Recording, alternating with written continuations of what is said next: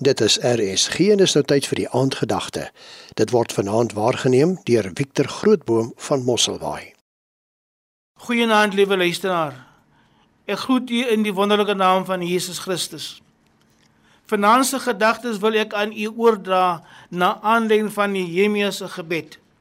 Laat my tog voorspoedig wees met wat ek wil doen. Voorneme is 'n wens voor 'n besluit van wat jy wil doen of sê.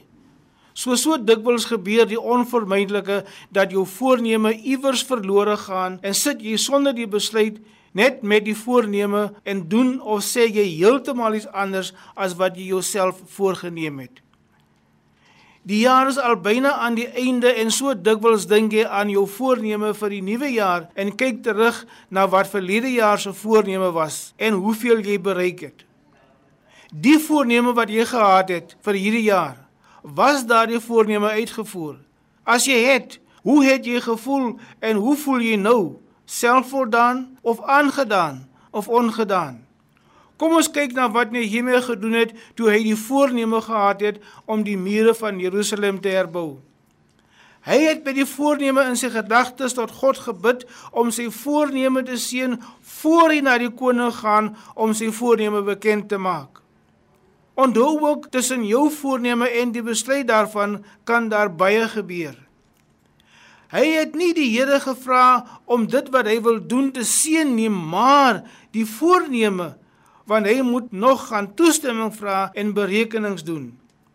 Die gebed van Nehemia is seker een van die belangrikste gebede in die Bybel en 'n voorbeeld vir elkeen van ons. Dit gaan om God eers te erken in elke saak of voorneme of besluit. Hoe dikwels vra ons die Here vir krag en wysheid om 'n taak te verrig sonder om na te dink of dit sy seën wegdra. Nee luisteraar, of dit nou hoe belangrik blyk te wees in jou oë, ken eers God in jou gedagtes sodat hy die voorneme kan seën As ons misluk in 'n taak, moet ons by onsself soms erken ons het nie God geraadpleeg in hierdie besluit nie. Daar is talle voorbeelde in die Bybel van mense se handel uit hul eie wysheid sonder om God te raadpleeg of God deel te maak van die besluit. Die Here sê immers, ek ken jou gedagtes en ek weet wat jy dink. Ken my in jou sake en ek sal jou help.